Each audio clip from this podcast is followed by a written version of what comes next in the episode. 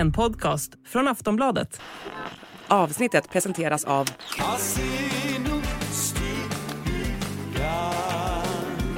Stödlinjen.se, åldersgräns 18 år. Hej och välkomna till Kungligt. Jag heter Sara Eriksson. Och jag heter Jenny Alexandersson. Shaman Derek Verretts mamma, hon talar ut för första gången och hon hade inte så snälla saker att säga om prinsessans fästman. Och nu vet vi exakt hur mycket pengar som kungafamiljen tilldelats i lite mer privata slag. Och den kungliga butlern talar ut om Harrys förhållande med Meghan. Och så ska vi berätta allt om prinsens flytt till Australien.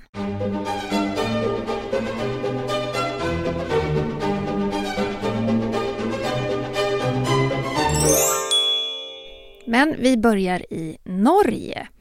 Man vet ju en hel del om prinsessan Märta Louise fästman, shamanen Darek Verrett. Han är en väldigt öppen person. Han har talat vitt och brett om sig själv, om prinsessan, sitt sexliv, om rasism och Norge och allting däremellan. Men vi har faktiskt inte hört så mycket från Dareks familj. Men nu har hans mamma, Berushka Örkart, som är 79 år, talat ut i norsk press. Ja, hon har gett en intervju till norska Se och Hör och det är både ris och ros kan man säga. Eh, Verushka hon prisar sin son och säger bland annat att hon visste att det var något speciellt med Darek redan när hon var gravid. Och så säger hon även att sonen har speciella krafter och att hon, ja, men att hon visste om det redan när han var mycket liten. Men relationen verkar inte jättebra mellan Darek och hans mamma. Den verkar ju ganska så mm. komplicerad. Och enligt Verushka så har Darek brutit kontakten med henne ganska så nyligen. Och det var efter att hon hade konfronterat sin son med Ehm, att hon är emot hur han har använt sig då av sina speciella krafter. Och så säger hon så här till norska Se och Hör. Han jobbar inte för världen, han jobbar mot världen. Han jobbar inte för människorna, han jobbar mot människorna. Det är ändå rätt tuffa ord att säga om sin son. Ja, det är väldigt, väldigt hårt och särskilt med tanke på hur hur liksom kritik har riktats emot Derek Verrett, särskilt nu på senaste med allt, allt vad han har vevat om. Mm. Eh, och sen kommer då hans mamma och kanske lite bekräftar det som många tycker och tänker om honom, tänker jag. Och hon säger även att Derek inte hjälper människor att hitta det här gudomliga ljuset. Eh, han, tar, eh, han tar dig till sitt ljus där han kan smickra in sig och manipulera dig, säger hon. Oj. Det är ju också väldigt hårda ord och som du var inne på Jenny, vi har ju verkligen inte hört så mycket om Dareks familj och det här blev ju faktiskt första gången som hans mamma pratade och mm. då kom man med de här anklagelserna. Ja men och, och eh, det här ger ju vatten på kvarnen tänker jag till alla som, eh, som har varit kritiska och är kritiska mot Derek. Om hon säger att han tar, sig, han tar dig till sitt ljus där han kan smickra in sig, manipulera dig. Det är ju allt det som har snurrat runt honom. Eh, det har varit så mycket kring honom. Alltså, dels har han ju, om vi bara säger några saker. Han har ju bland annat i sin bok påstått att barn som drabbas av cancer eh, har ett ansvar i det själva. Att det handlar om att de är olyckliga. Att de är olyckliga och då får de cancer. Och han menade ju även att den här, när han insjuknade i corona så menade han ju att den här medaljongen som han också säljer då på sin hemsida, att det var den som gjorde honom frisk ifrån covid, vilket fick ju läkare i Norge framförallt att gå i taket och menade på att det är farligt att påstå en sån sak. Ja, och det var ju det som ledde fram till att eh, kungen tog beslutet att Märta Louise då inte ska få jobba för kungahuset längre. Mm. Men eh, sen hamnar man ju alltid i det här läget när då en offentlig persons nära anhörig då ska tala ut. Det är ändå, det är ändå någonting väldigt sorgligt kring det.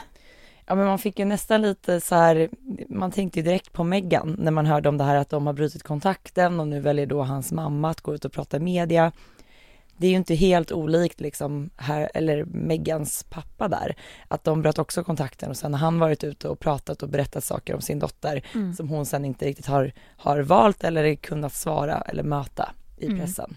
För Se och Hör har ju då sökt Derek Verrett men hans norska manager säger att han vill inte kommentera saken med hänsyn till familjens privatliv så han lägger liksom locket på. Mm. Och det är väl en, en klok sak att göra tänker jag så man inte hamnar i det som Meghan och hennes pappa på något sätt hamnat i. Eller det... resten av familjen. Det är faktiskt hennes halvsyskon med som har varit och vevat i... Ja, och gör det fortfarande. Det är någonting som pågår konstant känns det som. Mm. Men det är ju inte bara Dareks eh, mamma som har varit och pratat med media, utan det finns flera som har kommenterat Darek genom åren. Hans expojkvän Hank Greenberg berättade att shamanen försökt tysta honom med ett eh, sekretessavtal 2019. Och det här var bara några dagar efter att prinsessa Märta Louise och hennes fästman, ja men när de offentliggjorde sin förlovning. Då ska det då ha ramlat ner ett brev i hans brevlåda eh, med då helt enkelt ett avtal om att han skulle hålla tyst om shamanen. Och enligt norska VG så krävde då Derek Verrett att Hank Greenberg inte fick berätta någonting om deras, citat, privata möten och kontakter med Verrett och andra anställda i hans företag Ohana Production LLC, slutcitat. Och det var ju ändå så att shamanen ville inte att information om hans förflutna skulle bli offentligt. Men Hank Greenberg, han reagerade jättestarkt mot det här avtalet. Han hade inte det minsta lust att skriva under och, och säger själv att jag blev arg, upprörd och förolämpad när jag tog emot sekretessavtalet. Mm. Och Hank fick avtalet fyra år efter att han och shamanen gått skilda vägar. Och trots att väldigt många medier hade kontaktat honom så hade han inte sagt ett ord om Derek Verrett och, eller pratat om deras förhållande. Men trots det så vägrade han ju att skriva under och i en mejlväxling som då norska VG har tagit del av så erbjöds han pengar för att skriva under det här sekretessavtalet. Men han valde att inte göra det då heller. Nej, och sen fick ju, jag kommer ihåg det, Derek Verrett han fick ju frågor om det här i samband med att han släppte sin bok. Och eh, han blev jätteupprörd och sa bland annat så här. Det här är falsk information från en ex-partner till mig som försöker angripa Märta-Louise och mig. Och Greenberg fick frågan varför han berättade om sekretessavtalet just då och då var hans svar så här. Jag tycker att folk borde känna till hans handlingar, inte bara hans ord. Ja, och om man skriver på ett sånt här avtal och sen ändå avslöjar detaljer om en person eller ett företag, då kan man ju bli stämd på ja, men en enormt stor summa pengar och ja, men så pass stor att det faktiskt kan ödelägga en människas liv. Så det är ju ett väldigt stort, att, alltså ett stort beslut att skriva på ett sånt här sekretessavtal i USA. Mm. Så man kan ju förstå att han valde att inte göra det. Ja men verkligen. Men annars kan jag tycka att det varit relativt tyst kring eh, Dark Verrett. Det, jag, jag tycker inte man har sett väldigt, knappt några av hans vänner som har talat ut om honom? Nej, de vännerna som har pratat har ju snarare varit de som var med där vid första mötet när Märta Louise och Darek träffades vid den här festen och ja men mest, man har ju bara hört egentligen goda saker om honom från mm. de allra närmsta. Men här kliver då hans expojkvän fram och hans mamma och då är det ju en liten annan ton och ja men just att man avslöjar det här att han har försökt få honom att skriva under ett avtal. Mm. Vad har man då att dölja tänker jag? Ja men lite så.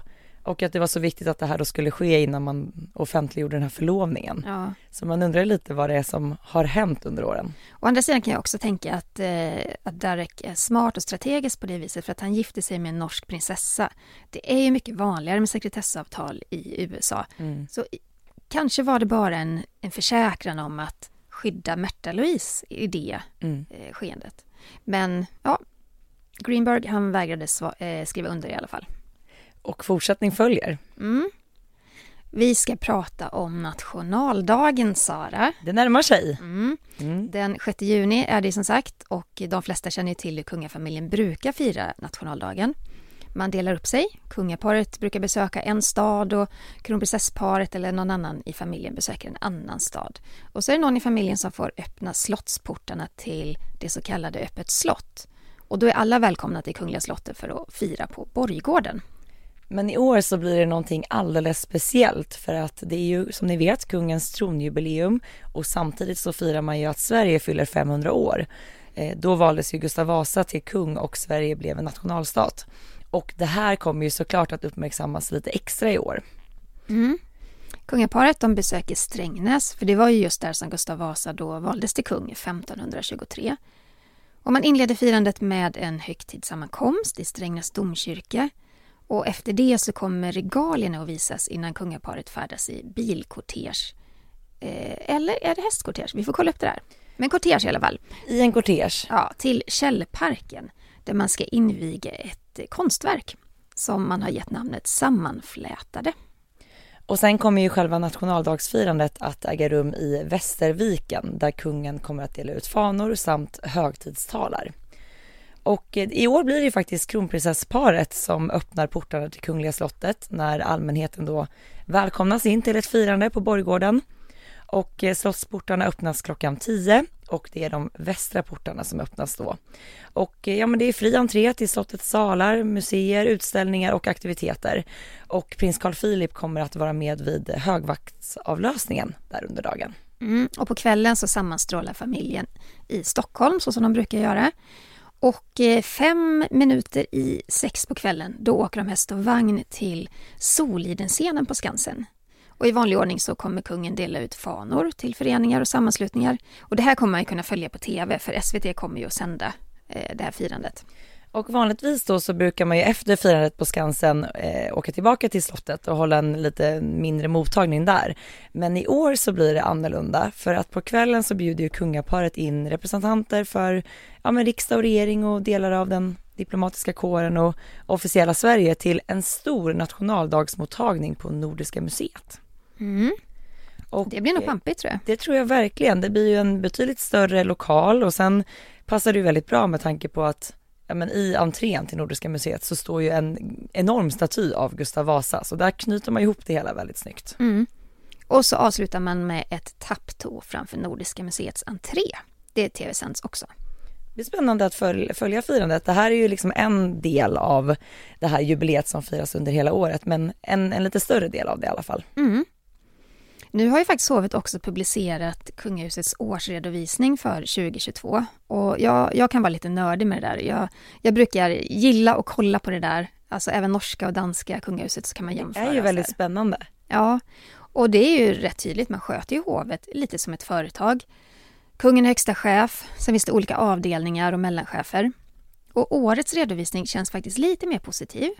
För det har varit två år med pandemi och det har påverkat verksamheten på, på slotten ganska så mycket. Folk slutar besöka slotten. Eh, det, ja, och med det så kommer det in mindre pengar. Pengar som man har räknat med helt enkelt. Mm. Men nu har det vänt lite. Nu har det vänt lite och i den här årsredovisningen för 2022 så kan man se att, att staten sköt till lite extra pengar för att allting skulle gå ihop. För 2022 så sköt man till 38 miljoner. Så att kungahuset fick alltså först 149,2 miljoner i statligt anslag, eller apanage då som man också kan säga. Och ovanpå det så sköt staten till 38 miljoner kronor. Och i det här så kan man ju även se vad kungafamiljens olika medlemmar fick för summa. Eh, alltså pengar som är öronvikta åt var och, var och en av dem som ingår i kungahuset. Mm. Kungaparet de fick 8 152 000 kronor. Victoria Daniel 4 586 000 kronor och prinsparet 1 121 000 kronor. Och det kan man också se om man jämför med förra året att det är en liten höjning från förra året då. För då låg summorna mer på hela tal. Eh, kungaparet fick 8, Victoria Daniel 4,5, prinsparet 1,1 eh, så det är lite höjning där. En liten höjning. Och de där pengarna de går ju till kostnader och inköp av lite mer privat karaktär.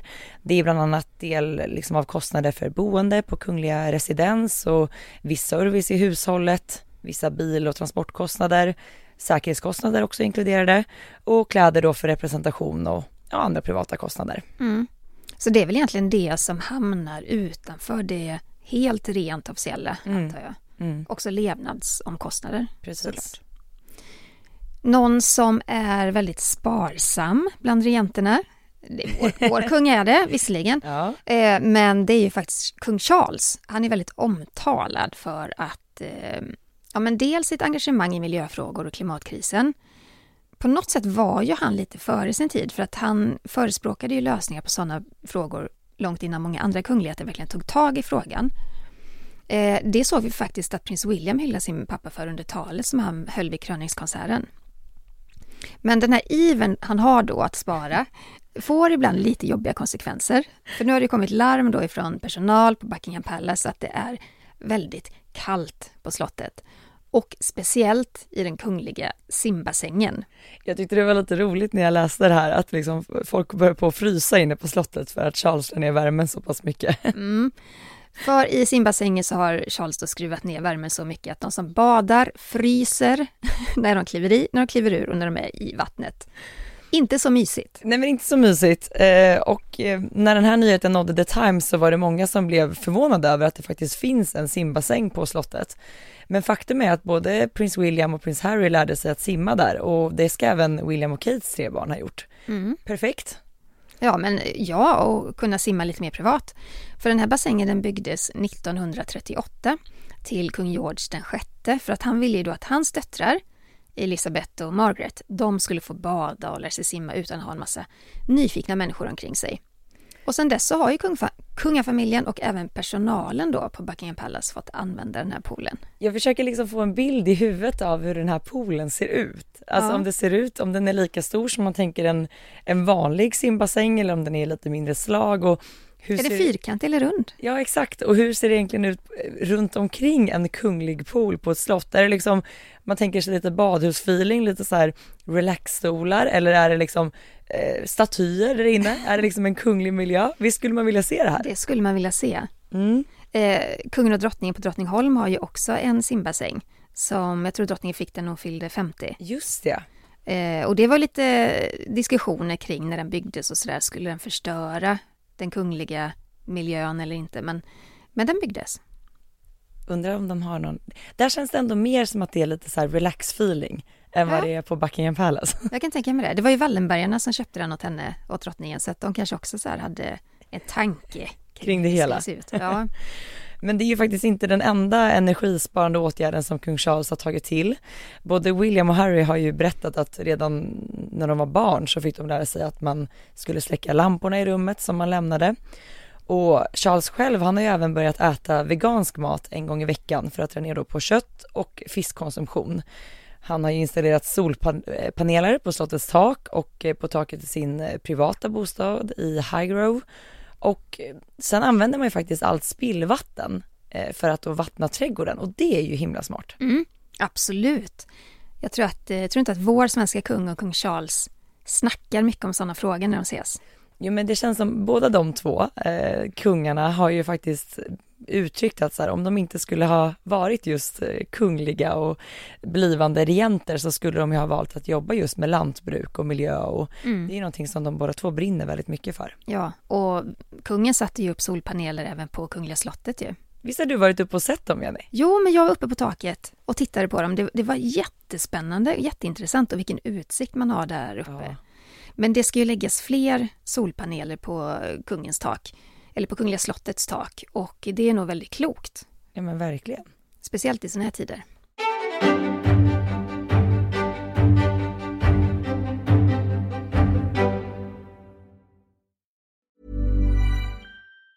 Tired of ads barging into your favorite news podcasts? Good news. Ad-free listening is available on Amazon Music for all the music plus top podcasts included with your Prime membership. Stay up to date on everything newsworthy by downloading the Amazon Music app for free or go to amazon.com slash news ad free.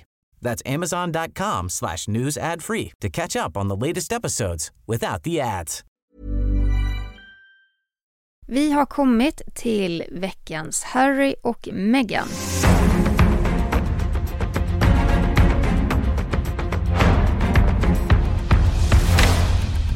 Det är många som skyller Mexit, alltså att Harry och Meghan lämnade kungahuset, på Meghan. Men parets uttag i kungahuset det har ju faktiskt många fler bottnar än så. Ja, Harry har ju inte varit lycklig i sin kungliga roll på väldigt länge och han har ju verkligen kämpat för att hitta sin plats i familjen och i det offentliga livet.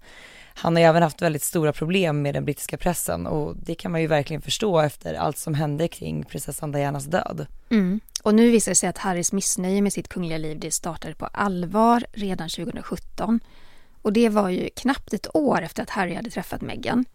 I en intervju med hovexperten och journalisten Angela Levin så berättade Harry att han ville lämna kungahuset och att han längtade efter ett mer normalt liv. Och det var 2017 alltså.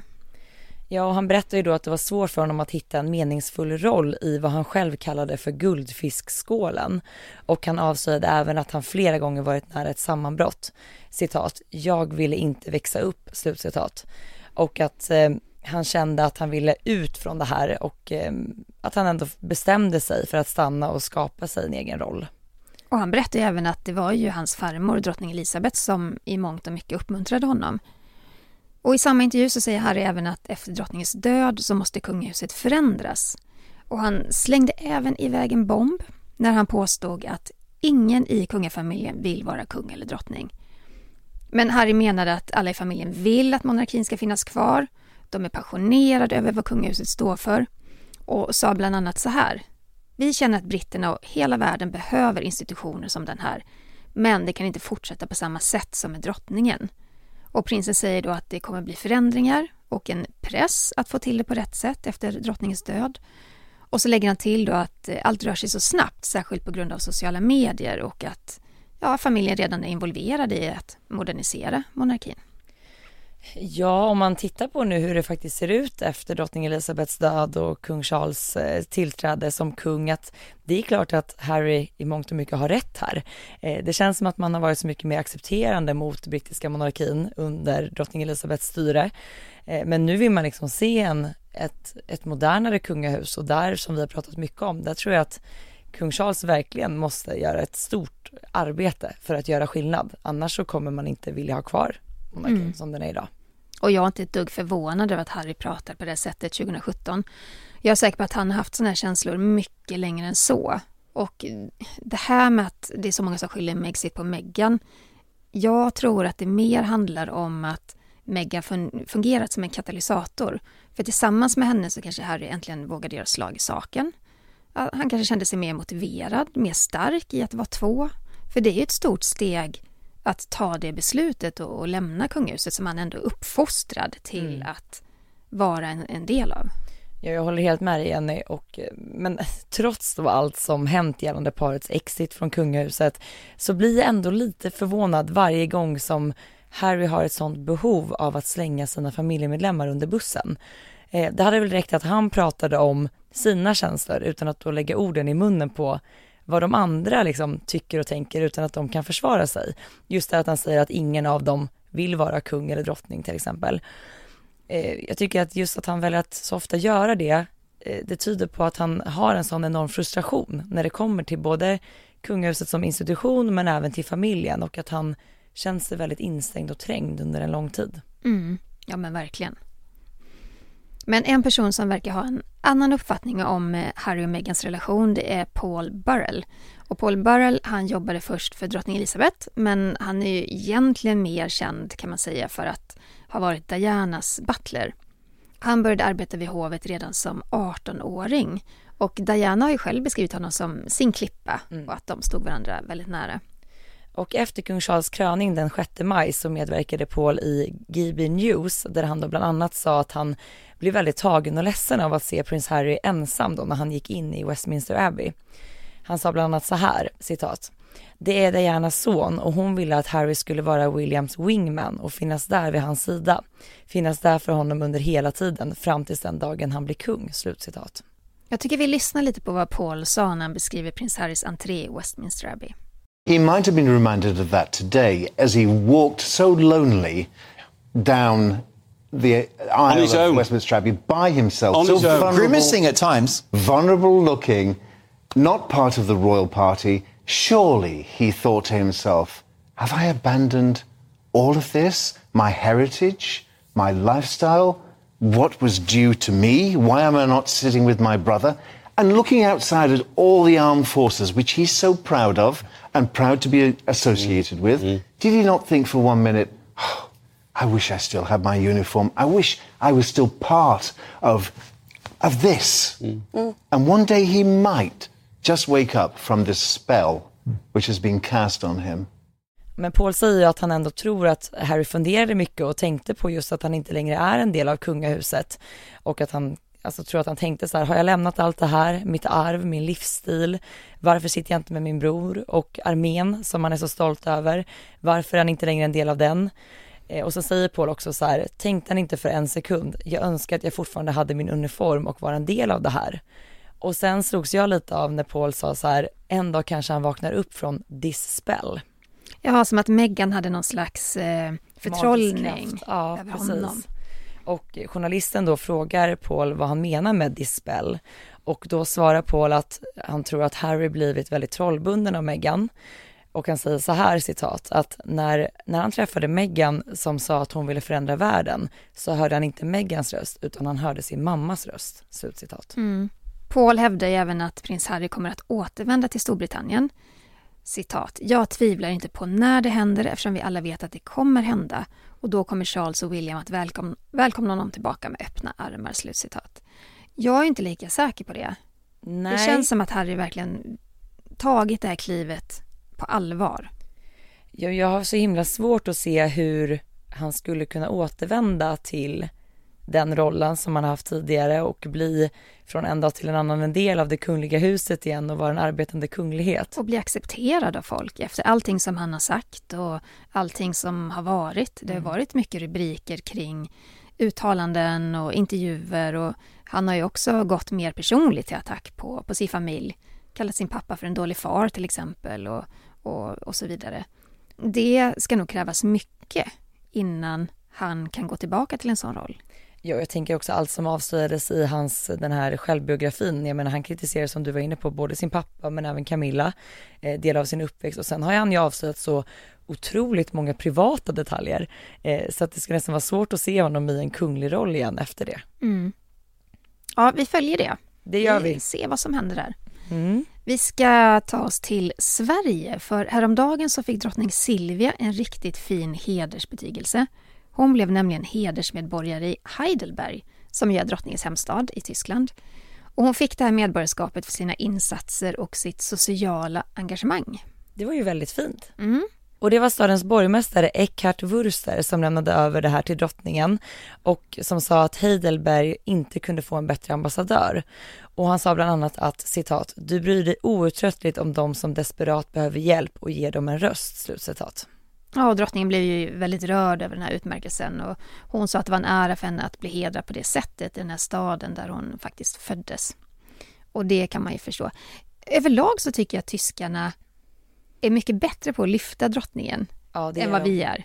Ja men jag tycker att i tysk media, både du och jag jobbar ju en hel del med tysk media och de är verkligen lite mer inne på allt som faktiskt drottningen gör och för att förändra världen. Det tycker jag nästan glöms bort lite emellanåt här i Sverige. Ja. Nej, men hennes ambition är ju att rädda så många barn som är utsatta för eh, sexuella övergrepp och, och sådana vidrigheter som möjligt. Och det är klart att, jag tror vid något tillfälle så sa drottningen att hon önskar ju att Childhood till exempel inte behövde finnas. Mm. Men, eh, men det, det är mycket gott som, som sker eh, i de här organisationerna, inte bara Childhood. Men eh, ja, det kanske, det kanske inte uppmärksammas på samma sätt här. Nej, men jag tycker att tyskarna är väldigt bra på att uppmärksamma drottningens eh, viktiga arbete. Vi tar oss till Danmark, Sara. Det, det ska vi göra. Vi har hoppat runt nu i hela Europa under det här avsnittet känns det som. Mm, vi ska prata om Nikolaj, greve av Montpessat. Han, är ju, han var ju tidigare prins. Han är ju son till prins Joakim och drottning Margrethe är hans farmor. Och han blev ju av med sin prinstitel när Margrethe bestämde att eh, kapa grenarna i kungahuset. Ja, det har ändå varit lite ett turbulent år för 23-åriga Nik- Nikolaj, som du var inne på. Alltså, det var inte bara han utan även hans syskon då som fråntogs titlarna och inte längre en del av det kungliga huset. Det här Jenny skapade ju en väldigt stor spricka inom familjen. Eh, Nikolaj och hans pappa, prinsessa Marie, hans mamma, grevinnan Alexandra, de var ju ganska så snabba på att vara ute och prata med pressen. Visade ett tydligt missnöje över det här beslutet. Och... Ett väldigt tydligt missnöje. man Ja, det gjorde de. Eh, så att det har varit lite vevigt i danska kungahuset under året. Eh, och i samma stund så fick vi även reda på att prins Joakim, alltså Nikolajs pappa, och prinsessa Marie ska flytta från Paris till Washington i höst. Men nu står det även klart att prins Nik- nej han heter inte prins Nikolaj, du ser, jag har inte ens Man jag är har så van vid att säga det. Ja. greve Nikolaj också kommer att packa flyttlådorna. För han ska flytta till Australien. Åh, men ska han flytta själv? Eller? Nej, han kommer att flytta tillsammans med flickvännen Benedikte Torstrup och eh, ja, enligt danska BT då, är det som skriver om det här, de har fått tagit del av informationen från alltså hans mamma, grevinnan Alexandras pressekreterare, Helle von Wildenrath Lövgren. Mm. Det är ju så. De ska dit och plugga. Ja. Det kunde man nästan gissa. Eh, idag så pluggar de ju båda vid Copenhagen Business School, men från 1 augusti till den 30 november i år så ska de studera en termin då vid University of Technology i Sydney. Och Nikolaj är faktiskt inte den första i familjen som bor i Australien en period. Hans pappa, prins Joakim, han bodde också i Australien. Men han arbetade på en bondgård. Så det var lite annat syfte han var i Australien för då. Ja. Mm. Men jag tänkte på det när jag läste om nyheten att de skulle flytta. Mm, de har ju väldigt bra i, i familjen, kronprinsessa Mary, de kan ju fråga henne om tips i, i Australien och i Sydney tänker jag. Oh ja, då får vi hoppas att den relationen är lite bättre än vad den var när drottning Margrethe tog bort titlarna. För då sa ju prinsessa Maria att det var en komplicerad mm. relation. Ja, man undrar lite hur det står till där mm. just nu. Och apropå bråk Jenny, Eh, Eh, det har ju bråkats väldigt mycket om den här ovärdeliga Koh-i-Noor-diamanten som satt i drottningmoderns krona när hon kröntes 1937. Vi har ju pratat väldigt mycket om det här i podden tidigare. Eh, ja, det här är någonting som diskuteras konstant och det blir såklart mer aktuellt till exempel nu i samband med kröningen när man då plockade fram kronjuvelerna. Nu valde man ju att inte använda just den här och det finns ju en anledning till det. Jag tror det var väldigt smart faktiskt. Ja. Eh, den här enorma diamanten är från början inte brittisk. Den kommer från Indien och eh, forslades till Storbritannien efter att britterna erövrade Punjab 1849. Och ett år senare så fick drottning Victoria den i gåva. Den visades på Londonutställningen 1851. Den är enorm och den är slipad då till en briljant och ligger på 106 karat. Men att britterna visar upp den här diamanten sticker ju i ögonen på Indien. De betraktar ju den som sin. Det är ju därifrån den kommer från början. Och nu så har Indiens premiärminister Narendra Modi krävt att Storbritannien måste lämna tillbaka flera föremål och särskilt då den här berömda Koinur-diamanten. Och i The Telegraph så kunde man nu i dagarna läsa att Indiens kulturminister Govind Mohan sa att det här är en mycket viktig fråga för regeringen.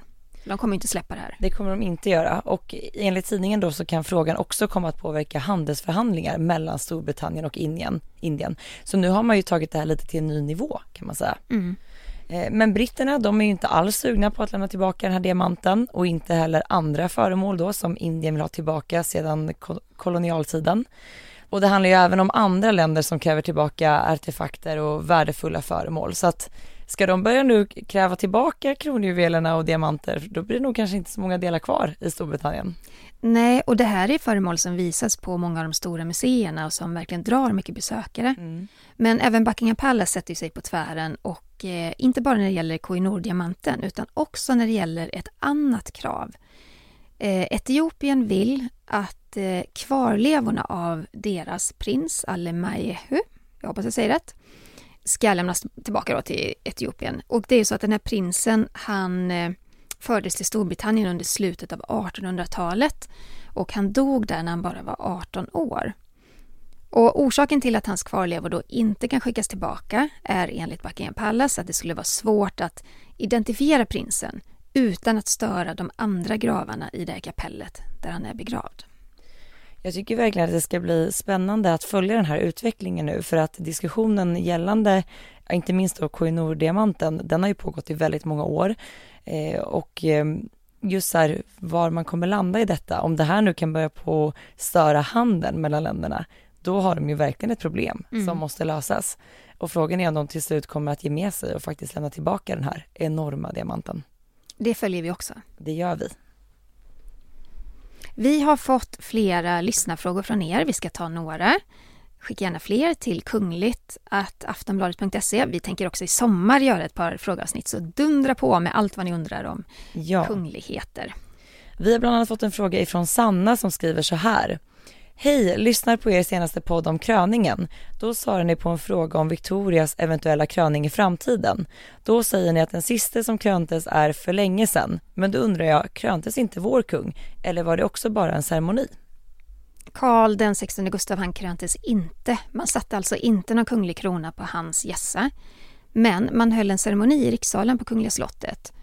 Och man kallar allt det här, de här mötena som man också hade med regering och så här för trontillträdesceremonierna. Och kungen han avlade bland annat sin konungaförsäkran inför regeringen. Och på plats fanns även riksdagen, den diplomatiska kåren och representanter för det officiella Sverige. Och en annan viktig del i de här ceremonierna det var ju också att kungen höll ett minnestal till sin farfar som ju hade gått bort. Ja. Vi har fått en fråga från en lyssnare i Norge om det hade varit en folkomröstning om monarkin i Sverige, hade ni, Sara och Jenny, röstat för en monarki eller emot? Och vem i kungahuset tror ni skulle falla först om det skulle bli en revolution? Såklart inte med samma brutalitet som i början av 1900-talet, men med ett demokratiskt val. Vart fjärde år tas statsskicket upp som ett spörsmål av de republik republikanskt vänliga partierna på Stortinget i Norge, men de röstas alltid ner med en majoritet. Sker det även i Sverige? Okej, då får vi nästan dela upp den här frågan då Mm. i tre. Första är ju då eh, vad vi hade röstat om vi var för eller emot monarkin. Eh, jag hade röstat för monarki. Eh, jag hade inte röstat alls av Nej. den anledningen att eh, jag är journalist och inte royalist och inte republikan. Så jag, jag hade verkligen velat hålla mig neutral där. Mm. Vem, och sen nästa fråga var, vem i kungahuset skulle falla först om, de, om kungafamiljen då faller bort med ett demokratiskt val? Alltså den är väl ganska enkel att svara på. Eller hur Sara? Alltså det hade ju handlat om hela kungahuset då. Ja, jag har lite svårt att tro att en person då skulle falla bort. Tas bort. Utan det Ja. blir då i sådana fall eh, hela kungahuset som institution. Ja, för då ändrar man ju hela statsskicket. Ja. Mm. Eh, och sen står det då att var fjärde år tar statsskicket upp som en fråga av de republikanskvänliga partierna på Stortinget Norge röstas alltid ner, sker det även i Sverige? Alltså monarkin är ju alltid en pågående diskussion och där de olika partierna i Sverige står olika eh, gällande hur man ser på den och om man ska behålla den eller inte. Men det är aldrig en fråga. Nej. Det, det är ingenting man har röstat om Nej. överhuvudtaget. Så nej. Nej. Sara, jag är inte heller förvånad över att du säger att du tydligt skulle rösta för monarkin. För du har ju i alla år varit väldigt tydlig med att eh, ja, men det är någonting du står för och eh, ja, Ja men verkligen. Och eh, apropå att jag alltid har varit liksom royalist så länge jag kan minnas så måste jag ju bara få berätta om ett par presenter som jag fick i helgen. för du har fyllt 30. Jag har fyllt 30 år och i helgen så var det fest. Eh, jag bjöd in min familj och mina vänner och vi hade middag och festligheter hela natten. Och då min lillebror, han hade verkligen tänkt till när det kom till vad ska man ge min syster i present. Så han hade ju gått in på Tradera och på Blocket och gått lös. Han, och han är alltid lite sån här person också som är ute i sista sekund. Så han fick väl lite stress där och tänkte jag måste ju lägga lite olika bud här på olika kungliga föremål. Det var ju bara det att han vann ju varenda budgivning. Var det inte så många som budade då på de här kungliga grejerna? Nej. Nej. Och han är, jag är ju ändå ganska aktiv när det kommer till kungliga föremål och så här, ja, man vet att man lägger sig lite lägre, kanske en utropspris och sen är man med i någon budgivning. Men i och med att han också var stressad så hade väl han lagt då vad de kräver från början. Så att jag, jag har inte vågat fråga honom för jag tror att det här blev en ganska så dyr historia. Men då fick jag bland annat en jättefin, lite mindre plåtlåda med drottning Elizabeth och prins Philip på. Från när de var väldigt unga, så den här är riktigt gammal, superfin. I den lådan så låg eh, minnesmedaljen ifrån kronprinsessbröllopet 2010. Med ett sånt här litet intyg då, man har, den är liksom ingraverad med en speciell kod, för det finns ju väldigt få av dessa. Så det blev jag väldigt glad för. Sen fick jag en lite så här ovalformad porslinstallrik, en, vad ska man säga, prydnadsporslinstallrik med en otrolig bild av Diana. Att det var genomtänkta presenter Ja. men jag, och jag är så tacksam för dem och den här Diana-tallriken kommer 100% åka upp på min vägg Såklart. såklart. Men det roliga var då att eh, vi sågs i lördags och sen på måndagen så fick jag en bild skickad av min bror. Då har det ju fortsatt att ramla in andra grejer han har vunnit hem. Så det var liksom det ena och det tredje så att jag tror Okej. nog att min bror har nog kungliga presenter till mig för tio år fram i tiden. Ja men underbart. Han, Mm. han behöver inte tänka på julklappar framöver eller Nej, nej, nej. födelsedagar. Det, kommer fin- finnas Det ett finns lager. minnesfrimärke hemma hos honom nu som ligger och väntar. Fantastiskt. Så jag tyckte det var väldigt gulligt av honom att tänka till där med den kungliga vinkeln. Ja men fin din bror är. Ja men han är en gullis, Ja. verkligen. Och en gång till, grattis i efterskott. Ja men tack, men nu känner jag att nu får det ju vara färdigfirat. Man kan ju inte fira sig själv mer än en månad. En månad. Alldeles utmärkt för att fylla 30 tycker jag. Ja, tack så mycket. Men eh, som sagt, ni får jättegärna skicka in fler frågor till oss, kungligt snabelaftonbladet.se och så hörs vi igen nästa vecka. Ha det bra, hej då! Hej då!